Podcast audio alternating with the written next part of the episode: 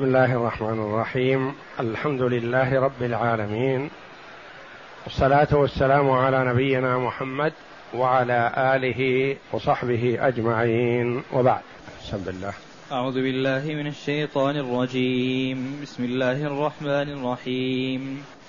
الرجال قوامون على النساء بما فضل الله بعضهم على بعض. بما فضل الله بعضهم على بعض وبما أنفقوا من أموالهم فالصالحات قانتات حافظات للغيب بما حفظ الله واللاتي تخافون نشوزهن فعظوهن واهجروهن في المضاجع واضربوهن واضربوهن فإن أطعنكم فلا تبغوا عليهن سبيلا إن الله كان عليا كبيرا. هذه الآية الكريمة من سورة النساء جاءت بعد قوله جل وعلا ولكل جعلنا موالي مما ترك الوالدان والأقربون. الآية. يقول جل وعلا الرجال قوامون على النساء بما فضل الله بعضهم على بعض وبما أنفقوا من أموالهم. الآية.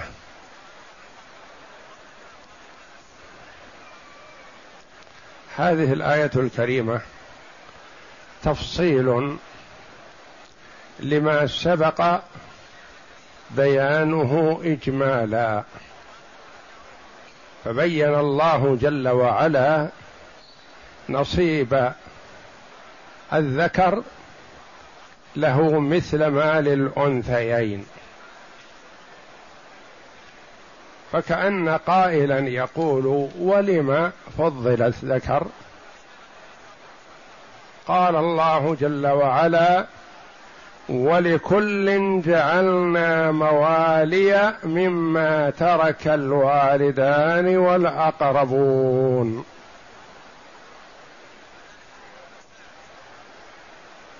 والذين عقدت أيمانكم فآتوهم نصيبهم. إن الله كان على كل شيء شهيدا فهو عالم بأحوال عباده. وهذا بيان اجمالا أن هذا التفضيل من قبل الله جل وعلا وهو أعلم بأحوال عباده.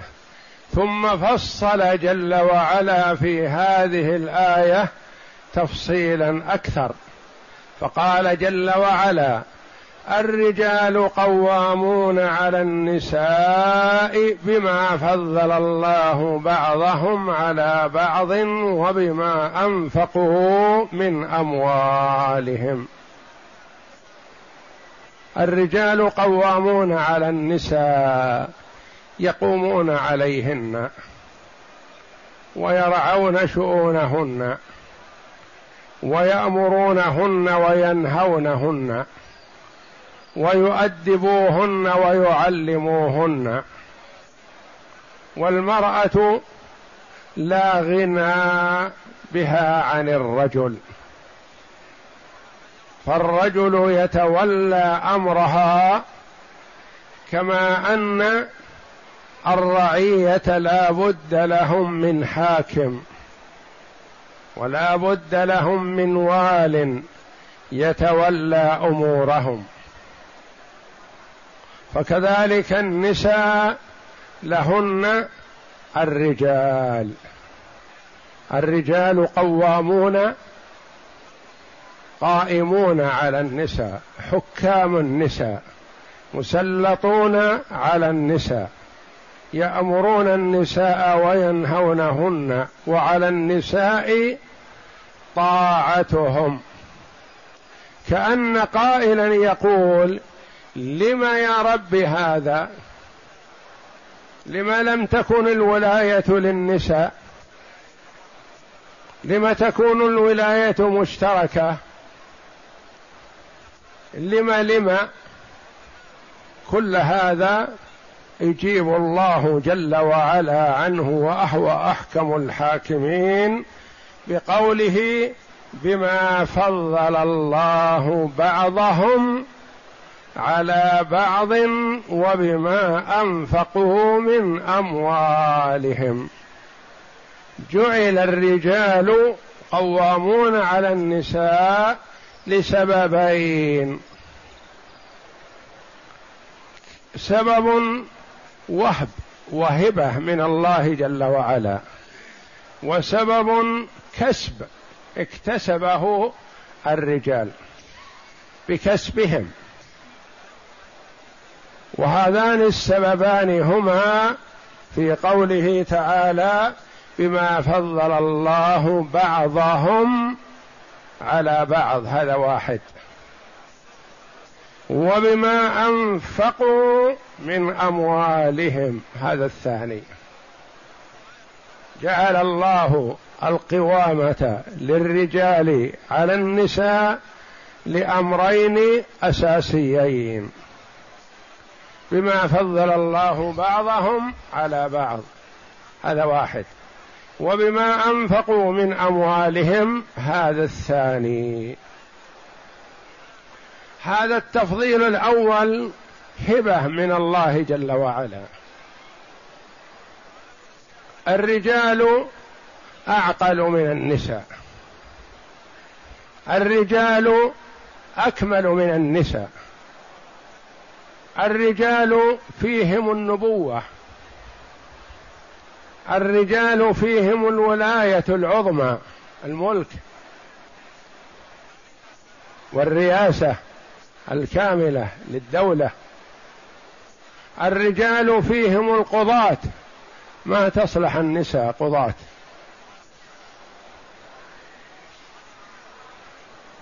الرجال شهادة الرجل بشهادة امرأتين. وقد لا تقبل شهادة النساء في بعض الأمور ولو عشر. ما تقبل.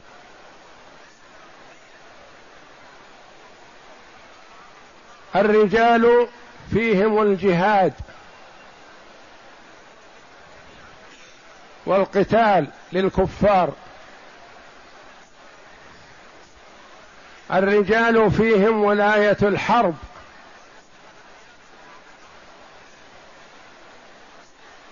الرجل يتزوج أربع والمرأة ليس لها إلا رجل واحد. يقال هذا الرجال والرجال على سبيل العموم. يقال الرجال أفضل من النساء والرجال أكمل من النساء. هذا على سبيل العموم. هذا الصنف أكمل من هذا الصنف. لكن قد يوجد في النساء من هي أكمل من مئات الرجال وآلاف الرجال. لكن ما يقال النساء أكمل من الرجال ابدا. والرجال فيهم الولاية ولما ذكر للنبي صلى الله عليه وسلم قوما ولوا أمرهم امرأة قال ما أفلح قوم ولوا أمرهم امرأة. والمرأة ما تصلح للولاية العامة. والأمر والنهي لانها ينتابها أمور تكدر صفوها وتمنعها من التصرف الحسن.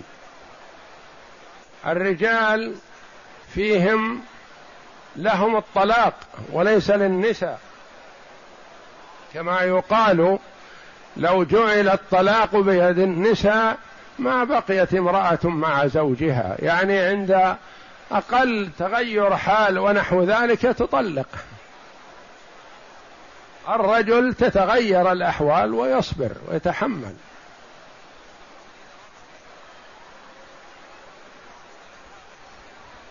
فهذا تعليل لكون الرجل أعطي ميراث امرأتين. ولكون الله جعل الولاية له لأنه أكمل وأحق بها.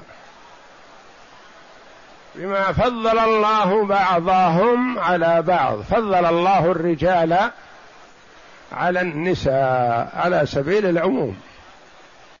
بما هذه يعبر عنها العلماء رحمهم الله سببية. وما هذه يعبرون عنها يقولون مصدرية أو موصولة. يعني موصول مصدرية تثبت هي وما بعدها بمصدر. بما فضل الله بتفضيل الله تفضيل تفضيل مصدر.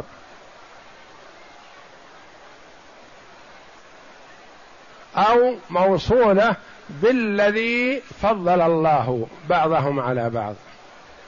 الرجال قوامون على النساء بالذي فضل الله بعضهم على بعض. وبما أنفقوا من أموالهم. كذلك الباء هذه سببية والواو حرف عطف على ما سبق.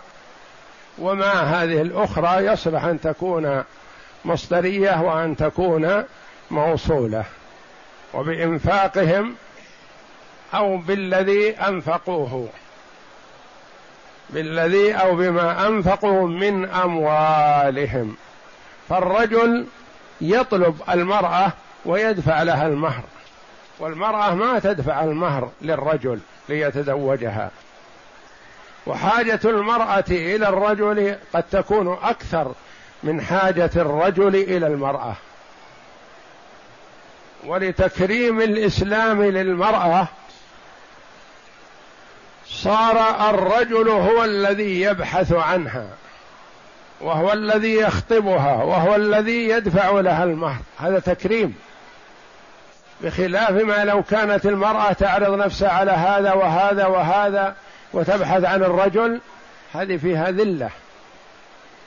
لكن كون الرجل يبحث عن المرأة ويخطبها ويدفع لها المهر ويطلبها من ذويها ونحو ذلك هذا من رفعة شأنها تقديرا واحتراما لها لئلا تبذل وتبتذل نفسها. وبما أنفقوا من أموالهم بالمهر وبما أنفقوا من أموالهم بالسكن والنفقة والكسوة والإطعام وما إلى ذلك. الرجل هو الذي يتولى هذه الأمور. ما يقول إذا استأجر البيت ادفعي نصف الأجرة وأنا أدفع نصف.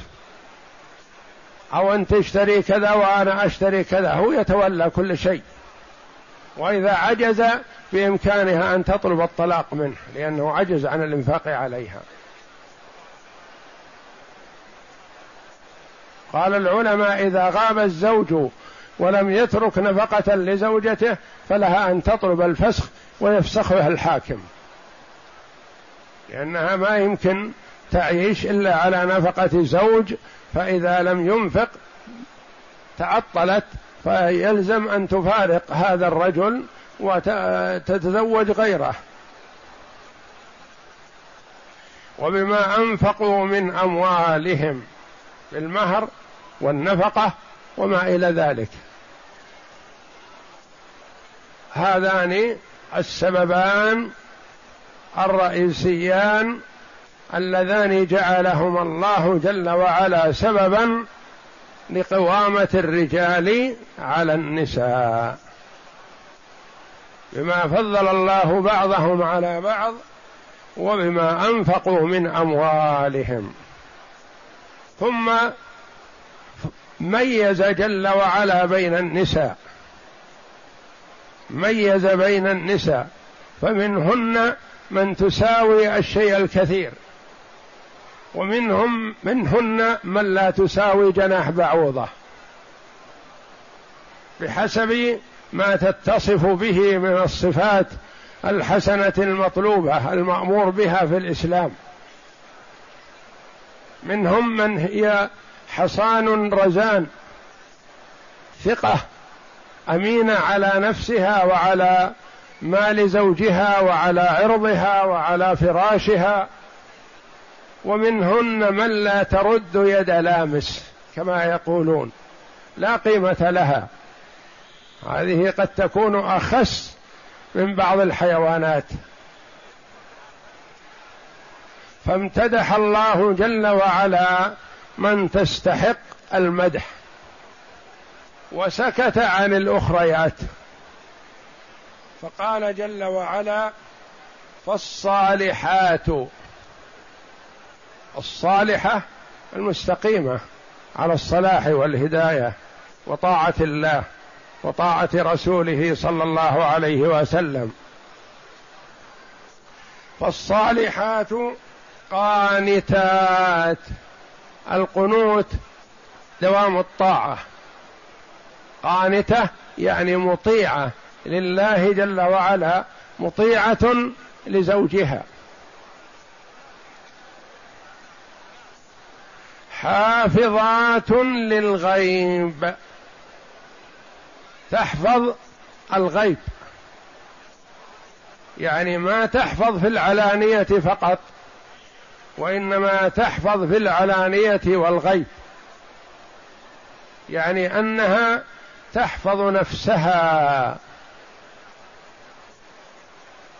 في الأحوال التي لا يعلم عنها ما يعلم عنها إلا الله. فهي إذا لم تكن حافظة للغيب أمكنها أن تمكن أي شخص من نفسها وربما لا يعلم عنها. تستطيع بأي طريقة تخفي على الآخرين وتمكن من شاءت من نفسها. لأنه غيب ما يدرى عنه. لكن المرأة ممدوحة إذا حفظت الغيب. إذا غاب عنها الحارس فهي نفسها تحرس نفسها وتمنع نفسها عما يحل لها. حافظات للغيب لأن فيه غيب وفيه علانية. علانية الشيء الذي يعلم عنه. الغيب ما غاب عن الناس. بإمكانها أن تخفي على من حولها كل شيء وتمكن من نفسها ليلا أو نهارا ولا يعلم عنها أحد من الخلق بإمكانها.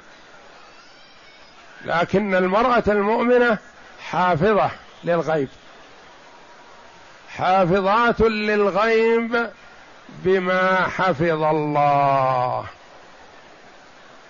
بما حفظ الله حافظة للغيب بحفظ الله لها. الله حفظها فحفظت نفسها بسبب حفظ الله لها أو بسبب ما جعل الله لها من الحقوق. حفظ الله حقوقها مهرها والإنفاق عليها وما إلى ذلك كلف بها الغير فحفظت نفسها. حافظات للغيب بما حفظ الله أو بما أمر الله جل وعلا بحفظه وهو نفسها.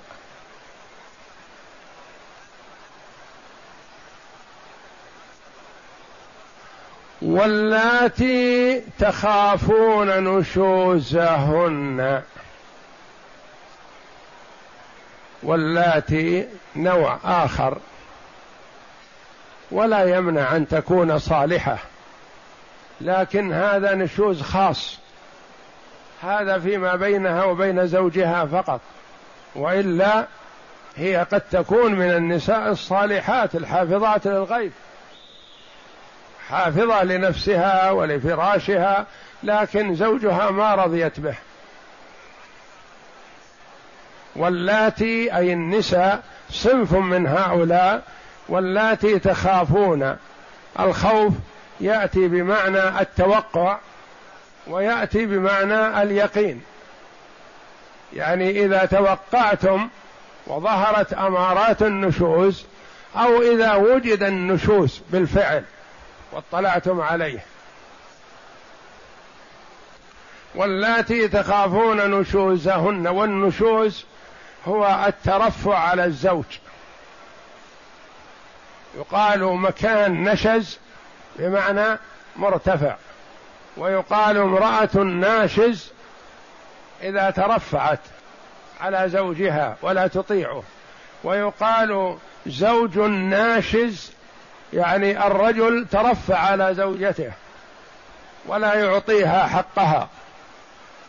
فيحصل النشوز أحيانا من الزوج وأحيانا من الزوجة. تخافون نشوزهن فعظوهن واهجروهن في المضاجع واضربوهن. هن أصناف ودرجات من النساء من تترفع على زوجها. فإذا قيل لها اتق الله وراقب الله وطاعة الله في طاعة زوجك وزوجك هو جنتك وهو نارك. وبسببه تدخلين الجنة وبسببه تدخلين النار.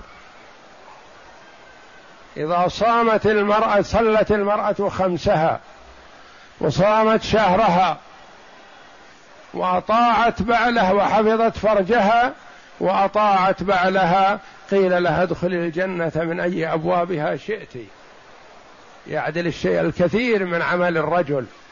أعمال الرجل شاقة بالنسبة له على قدره لكن أعمال المرأة والتقى والصلاح منها بسيط وسهل. المحافظة على الصلوات الخمس وصيام رمضان وحفظ نفسها وطاعة زوجها قيل لها ادخل الجنة من أي أبوابها شئت.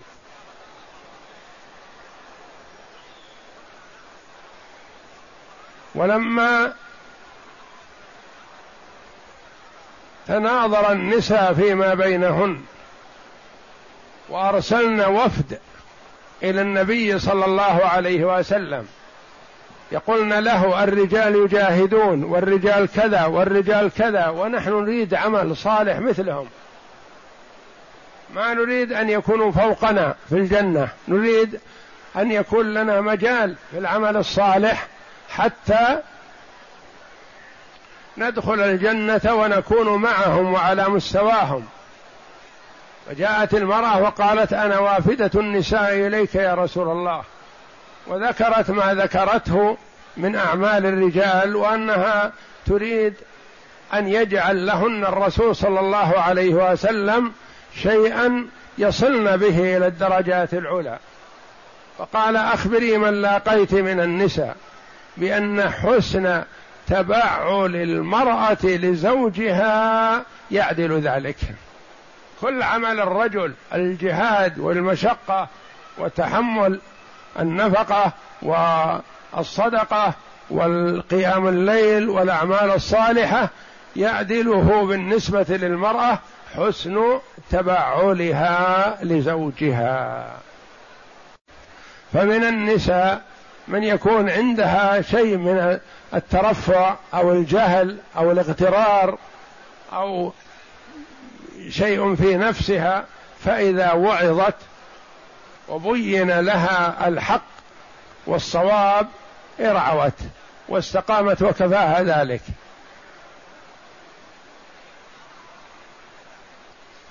من النساء من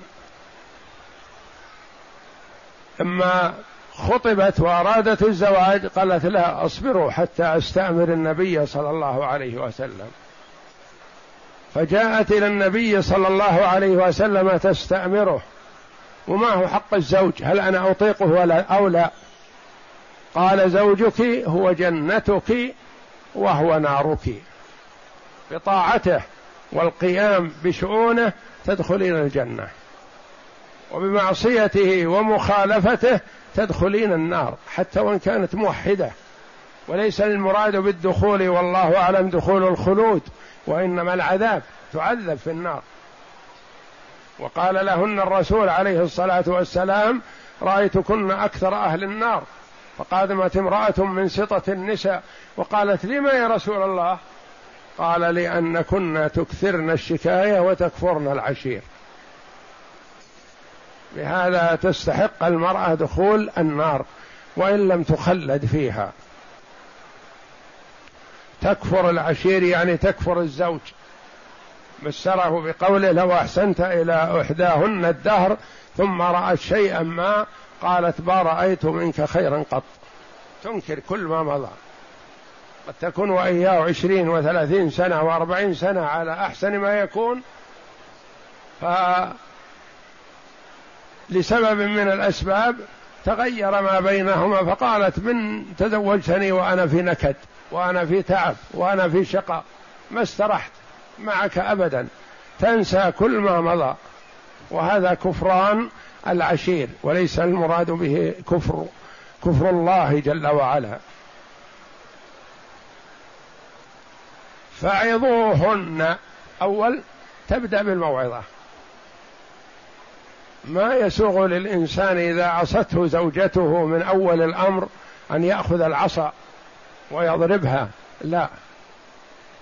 ينصحها ويعظها ويطلب ممن يثق به من الرجال أو النساء أن ينصحوها. ويبين لها حقوق زوجها عليها. فعظوهن. الوعظ هو التذكير والتخويف والرجاء بالثواب والعقاب. الوعد بالثواب بالطاعة والتخويف بالعقاب من الله جل وعلا بالمعصية. فعظوهن فإن استجابت فالحمد لله وهذا هو المطلوب ولا يتجاوز. فإن لم تستجب للوعظ عندها نشوز أكثر فاهجروهن في المضاجع. اهجرها في الفراش. يقول مفسرون أعطها ظهرك. لا تكلمها. وهذا شديد عليها. وهذه الخطوة الثانية. وما ينبغي الانتقال إليها إلا إذا أيس من الخطوة الأولى ولم تنفع. فالهجر في المضجع حينئذ في الفراش. يتركها لا يكلمها لا يأمرها ولا ينهاها يعطيها ظهره عند النوم وهكذا. واهجروهن في المضاجع. واضربوهن. هذه الخطوة الثالثة. ما ينبغي أن تستعمل إلا إذا تمردت. المرأة أشد تمرد على زوجها. وحينئذ جعل الله جل وعلا له الضرب. جاء في الحديث أن رجلا ضرب امرأته من الصحابة من الأنصار رضي الله عنهم. فجاءت المرأة إلى النبي صلى الله عليه وسلم. فقالت يا رسول الله ضربني ضربا أثر في. فقال لها النبي صلى الله عليه وسلم القصاص. يعني اقتصي منه اضربيه مثل ما ضربك. فلما أدبرت ومن معها جاء جبريل عليه السلام. بقوله تعالى الرجال قوامون على النساء بما فضل الله بعضهم على فقال ارجعي. أردت امرا وأراد الله غيره وما أراده الله خير. وقال عليه الصلاة والسلام لا يسأل الرجل فيما ضرب زوجته. لأنه قد يضربها لأمر يستحي من ذكره. يستحي أن يقول طلبت منها كذا وكذا فأبت فضربتها. لا يسأل الرجل فيما ضرب زوجته لكن ليكن الضرب غير مبرح. كما قال ابن عباس لا تكسر عظما ولا تضرب ضربا يشينها يعني يؤثر في وجهها. واتق الوجه والرأس. ما يكون الضرب مع الوجه يؤثر أو مع الرأس يؤثر على الحواس وإنما ضرب غير مبرح يكون فيه شيء من الإهانة وليس فيه شيء من الضرر الذي يعود على جسمها أو حواسها. ولا يصار إلى هذا الأخير إلا إذا لم ينفع الأمران الأولان. فعظوهن واهجروهن في المضاجع واضربوهن ضربا غير مبرح. فإن أطعنكم فلا تبغوا عليهن سبيلا.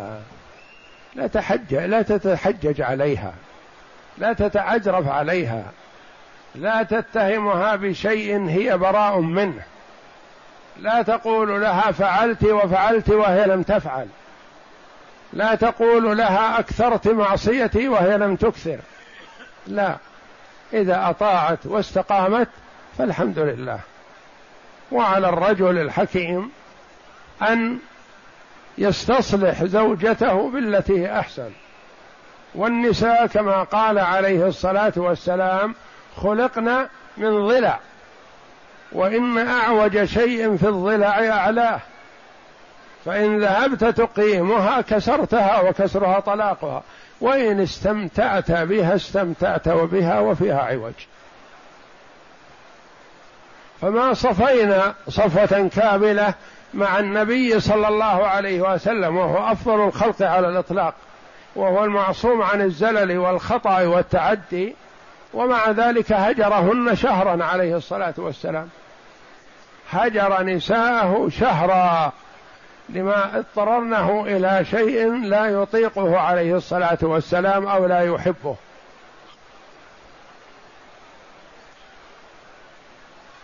لكن إذا أطاعت فلا تتحجج عليها أو تؤذها أو تكثر التأنيب والعتاب واللوم والتوبيخ.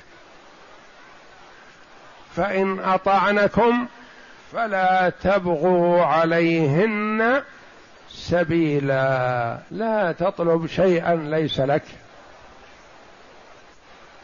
لا تتسلط عليها بما أعطاك الله. ولهن مثل الذي عليهن بالمعروف وللرجال عليهن درجة. فإن أطعنكم فلا تبغوا عليهن سبيلا. ويقول عليه الصلاة والسلام خيركم خيركم لأهله وأنا خيركم لأهلي. وكان النبي صلى الله عليه وسلم إذا كان في البيت لما سئلت عائشة قالت في حاجة أهله يشتغل مع أهله في البيت الذي يعملونه يعاونهم عليه الصلاة والسلام. ما يترفع. وكلما تحبب الرجل إلى زوجته فذلك خير له. وكلما حسن خلقه مع زوجته فذلك خير له. وكلما تجمل وتهيأ لها بأحسن هيئة فذلك خير له. قول ابن عباس رضي الله عنهما إني لا أتهيأ لها كما أحب أن تتهيأ لي. فما يظهر الإنسان أمام زوجته بالمظهر غير اللائق وإنما يترفق بها ولا يؤذيها بشيء من المؤذيات. فإن أطعنكم فلا تبغوا عليهن سبيلا. ثم إن الله جل وعلا ختم الآية بختم عظيم. فقال إن الله كان عليا كبيرا. إذا جعل لك العلو على المرأة والتكبر عليها فتذكر علو الله جل وعلا وكبره وانتقامه ممن عصاه. تذكر حالة ما تتكبر على المرأة أن الله جل وعلا أكبر وأكبر وهو ينتقم لها. والنبي صلى الله عليه وسلم يقول أنا ولي الضعيفين أو الخصم لمن تعدى على حق الضعيفين المرأة واليتيم. فالمرأة أحيانا تكون مؤدبة وقيمة وحصينة لكن يتسلط عليها الرجل بالأذى فيكون الأذى من قبل الرجل. فالنبي صلى الله عليه وسلم توعد مثل هذا بأنه خصمه يوم القيامة. ومن كان خصمه النبي صلى الله عليه وسلم فهو مغلوب بلا شك. إن الله كان عليا كبيرا. ففيه ترغيب وترهيب. ترغيب لمن استقام وأدى الحق الذي عليه بأن الله جل وعلا يعطيه ثواب عمله لأنه علي كبير لا يرد له. وترهيب وتخويف لمن تسلط على النساء بغير حق.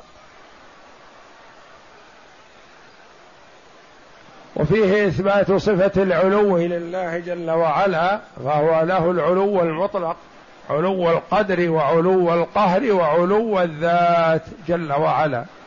والكبر الله أكبر وهذا الاسم العظيم جعله الله جل وعلا شعار أفضل عمل بدني يقوم به الإنسان بعد شهادة لا إله إلا الله وأن محمدا رسول الله فهو شعار الصلاة.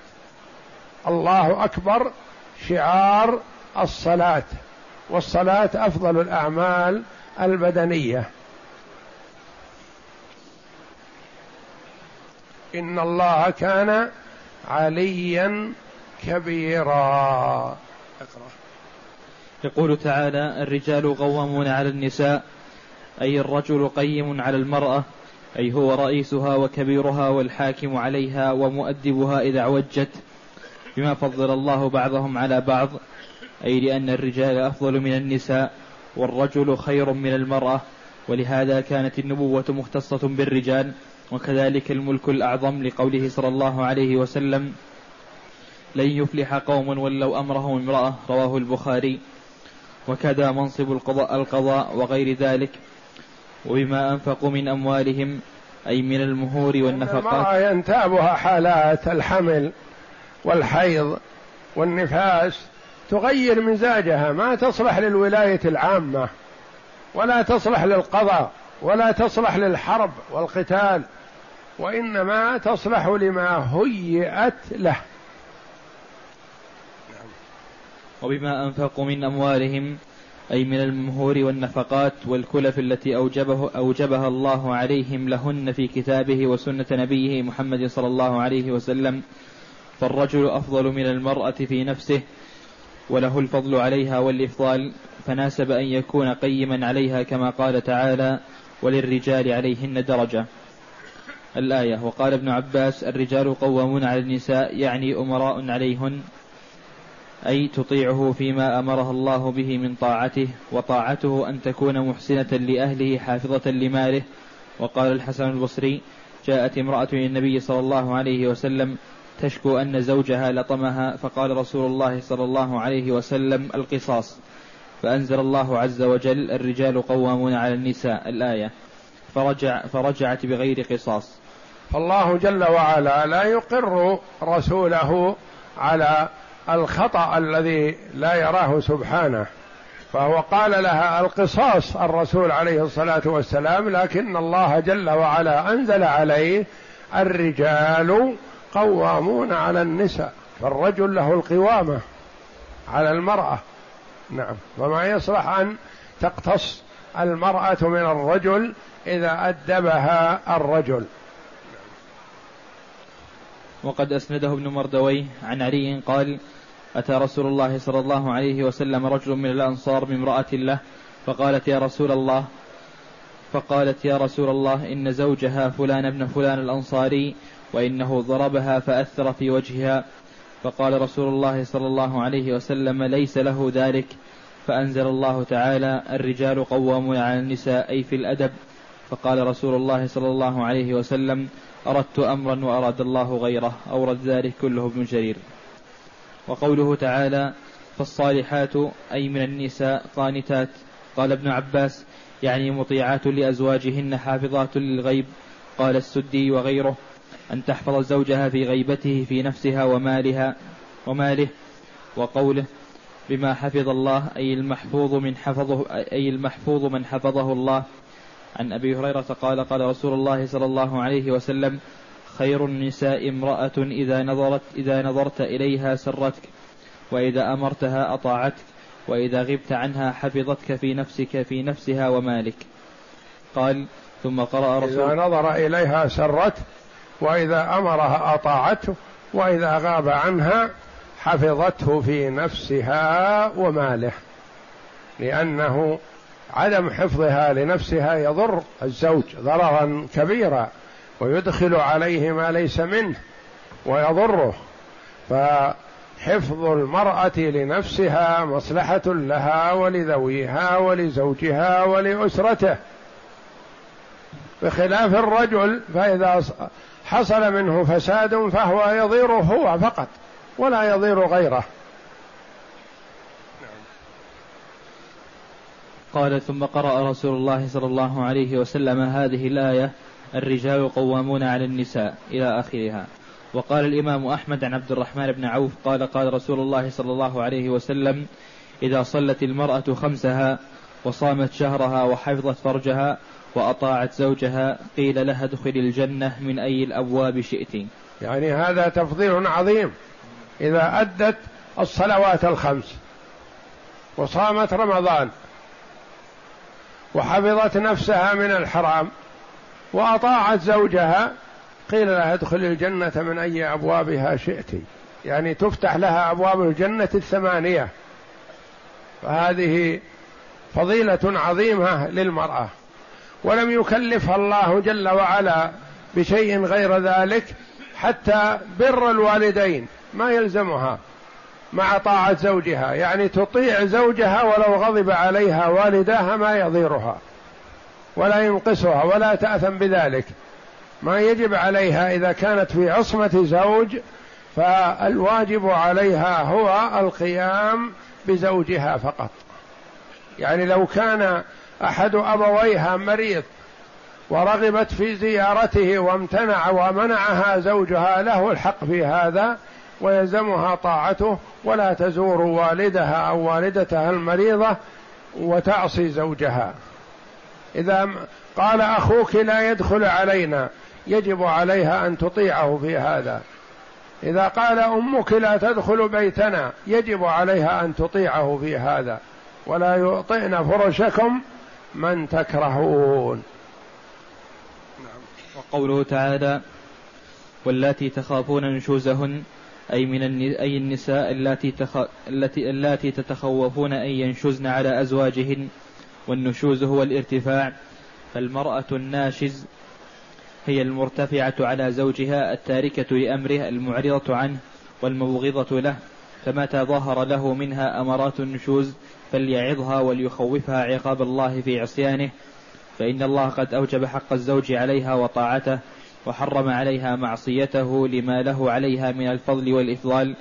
وقد قال رسول الله صلى الله عليه وسلم لو كنت آمرا أحدا أن يسجد لأحد لأمرت المرأة أن تسجد لزوجها من عظم حقه عليها. وروى البخاري عن أبي هريرة رضي الله عنه قال قال رسول الله صلى الله عليه وسلم إذا لما رأى أحد الصحابة رضي الله عنهم في بعض الجهات من يسجدون لملوكهم وسادتهم. قال يا رسول الله أنت أحق بالسجود لو نسجد لك.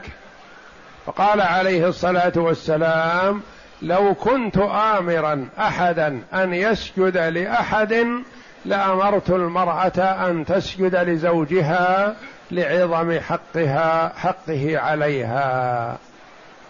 فهو لا يأمر احدا أن يسجد لأحد لأن السجود عبادة والعبادة لا تصلح إلا لله. ولو كانت جائزة في شريعتنا من باب التعظيم لأمر صلى الله عليه وسلم المرأة أن تسجد لزوجها. لكن السجود لا يصح إلا لله جل وعلا في شريعتنا. وروى البخاري عن أبي هريرة رضي الله عنه قال قال رسول الله صلى الله عليه وسلم إذا دعا الرجل امرأته إلى فراشه فأبت فأبت عليه لعنتها الملائكة حتى تصبح. ورواه مسلم ولفظه إذا باتت المرأة هاجرة الفراش زوجها لعنتها الملائكة حتى تصبح. ولهذا قال تعالى واللاتي تخافون نشوزهن فعظوهن وقوله تعالى واهجروهن في المرأة قال عليه الصلاة والسلام إذا دعا الرجل امرأته فلتجبه لحاجته فلتجبه وإن كانت على التنور. وجاء أنه إذا بات زوجها غاضبا عليها بات الذي في السماء الذي هو الله جل وعلا غاضبا عليها. ورضا الله في رضا زوجها. إذا لم يأمرها بمعصية. أما إذا أمرها بمعصية فلا طاعة لمخلوق في معصية الخالق. إذا أمرها بكشف الحجاب إذا أمرها بمخالطة الرجال إذا أمرها بشيء محرم فلا طاعة له حينئذ وإنما الطاعة بالمعروف. الطاعة في طاعة الله جل وعلا وأما في معصية الله فلا لأي أحد لا طاعة لمخلوق في معصية الخالق جل وعلا. وقوله تعالى واهجروهن في المضاجع. قال ابن عباس الهجر هو أن لا يجامعها ويضاجعها على فراش على فراشها ويوليها ظهره.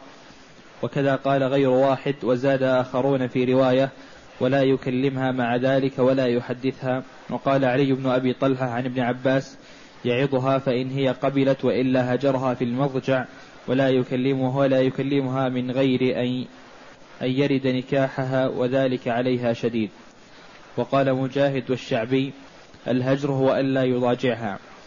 وفي السنن والمسند عن معاوية بن حيدة القشيري أنه قال يا رسول الله ما حق المرء ما حق امرأة أحدنا عليه؟ قال أن تطعمها إذا طعمت وتكسوها إذا اكتسيت إذا طعمت وتكسوها إذا اكتسيت ولا تضرب الوجه ولا تقبح ولا تهجر إلا في البيت. وقوله واضربوهن أي إذ لم يرتدعن بالموعظة ولا بالهجران فلكم أن تضربوهن ضربا غير مبرح كما ثبت في صحيح مسلم عن جابر عن النبي صلى الله عليه وسلم أنه قال في حجة الوداع واتقوا الله في النساء فإنهن عندكم عوان ولكم عوان بمعنى أسيرات. عان أسير فك العاني فك الأسير. يعني المرأة عند الرجل بمثابة الأسيرة لأنها انتقلت من بيت أهلها وأبويها إلى بيت رجل أصبحت عنده بمثابة الأجيرة أو الأسيرة. تأتمر بأمره وتنتهي بنهيه فيجب عليه أن يعطيها حقها ولا يهنها ولهن مثل الذي عليهن بالمعروف وللرجال عليهن درجة. ولكم عليه ولكم عليهن ألا يوطئن فرشكم أحدا تكرهونه فإن فعلن فاضربوهن ضربا غير مبرح ولهن رزق. يعني غير شديد. لا تضرب تكسر عظم أو تضرب يحدث أثر في العين أو في الخد أو في الوجه. لا تضرب ضربا شديدا. الضرب الشديد من صفة اليهود. صفية بنت حيي بن أخطب رضي الله عنها أم المؤمنين لما دخل عليها النبي صلى الله عليه وسلم رأى في وجهها أثر خضرة من أثر ضربة. فقال ما هذا؟ قالت كنت عروس مع زوجي ابن عمي. فرأيت رؤيا فحدثت قصصتها عليه فلطمني هذه اللطمة. فقال كأنك تمنين ملك العرب الذي في المدينة. لما قالت له أيام عرسها بابن عمها قالت رأيت كأن قمرا سقط في حجري. فتأثر اللعين الشقي وساءه ذلك وضربها ضربة شديدة أثرت خضرة في وجهها لطمة شديدة. فرآها النبي صلى الله عليه وسلم بعدما سبيت مع السبي وكانت مما اصطفاها النبي صلى الله عليه وسلم واعتقها عليه الصلاة والسلام وجعل عتقها صداقها وأصبحت إحدى أمهات المؤمنين. قال ما هذه؟ قالت هذه بسبب الرؤيا التي رأيتها وقد صدقت في رؤياها رضي الله عنها وأرضاها. صارت إحدى أمهات المؤمنين. ولهن رزقهن وكسوتهن بالمعروف. وكذا قال ابن عباس وغير واحد ضربا غير مبرح. قال الحسن البصري يعني غير مؤثر. قال الفقهاء هو أن لا يكسر فيها عضوا ولا يؤثر فيها شيئا وقال ابن عباس يهجرها في المرض شينة, شينة يعني ولا يؤثر فيها شيء يعني ضربة يكون لها أثر. فقع عين أو دم يتجمع في الوجه أو نحو ذلك. وقال ابن عباس يهجرها في المضجع فإن أقبلت وإلا فقد أذن الله فقد أذن الله لك أن تضربها ضربا غير مبرح ولا تكسر لها عظما فإن أقبلت وإلا فقد أحل الله لك منها الفدية. وقال النبي صلى الله عليه وسلم لا تضربوا إماء الله. فجاء عمر رضي الله عنه إلى رسول الله صلى الله عليه وسلم فقال دائرة النساء على أزواجهن. فرخص رسول الله صلى الله عليه وسلم في ضربهن فأطاف بآل رسول الله صلى الله عليه وسلم نساء كثير يشتكين أزواجهن. فقال رسول الله صلى الله عليه وسلم لقد أطاف بآل محمد نساء كثير يشتكين من أزواجهن ليس أولئك بخياركم. وذلك أن النبي صلى الله عليه وسلم قال لا تضربوا النساء نهى عن ضرب النساء. فجاءه عمر بعد فترة وقال يا رسول الله ذعرنا النساء على أزواجهن يعني تكبرنا وترفعنا ما دام ما في ضرب بعض النساء ما يؤدبها إلا الضرب. فأذن صلى الله عليه وسلم بضربهن عند الحاجة. فبعد ذلك طاف نساء كثير بآل محمد صلى الله عليه وسلم يشكين أزواجهن. فقال عليه الصلاة والسلام لقد طاف بآل محمد نساء كثير يشكون أزواجهن ليس أولئك بخياركم. فالإنسان يعني يدافع الضرب ما أمكن ما يتسلط على المرأة عند أتفه الأسباب وإنما كما تدرج الله جل وعلا واللاتي تخافون نشوزهن فعظوهن فإذا لم ينفع الوعظ فينتقل إلى الشيء الثاني الذي هو الهجر. فإذا لم ينفع هذا ولا هذا فما بقي إلا الثالث الذي هو الضرب لكن يكون ضربا غير مبرح يعني غير شديد. لأن من النساء من لا يؤدبها إلا الضرب ما ينفع فيها الوعظ ولا الهجر. ومن النساء من هي طيبة حسنة المعاملة والشعور فإذا وعظها زوجها أو أحد من المسلمين اتعظت ورجعت إلى الله وأحسنت معاملة زوجها. ومنهن من لا ينفع فيها هذا لكن ينفع فيها الهجر إذا هجرها ولم يكلمها. ومنهن من لا يفيد فيها هذا تقول اهجر سنة ما شئت ما تبالي. فحينئذ ينتقل إلى العلاج الثالث عند الضرورة. والله أعلم. وصلى الله وسلم وبارك على عبده ورسول نبينا محمد وعلى آله وصحبه أجمعين.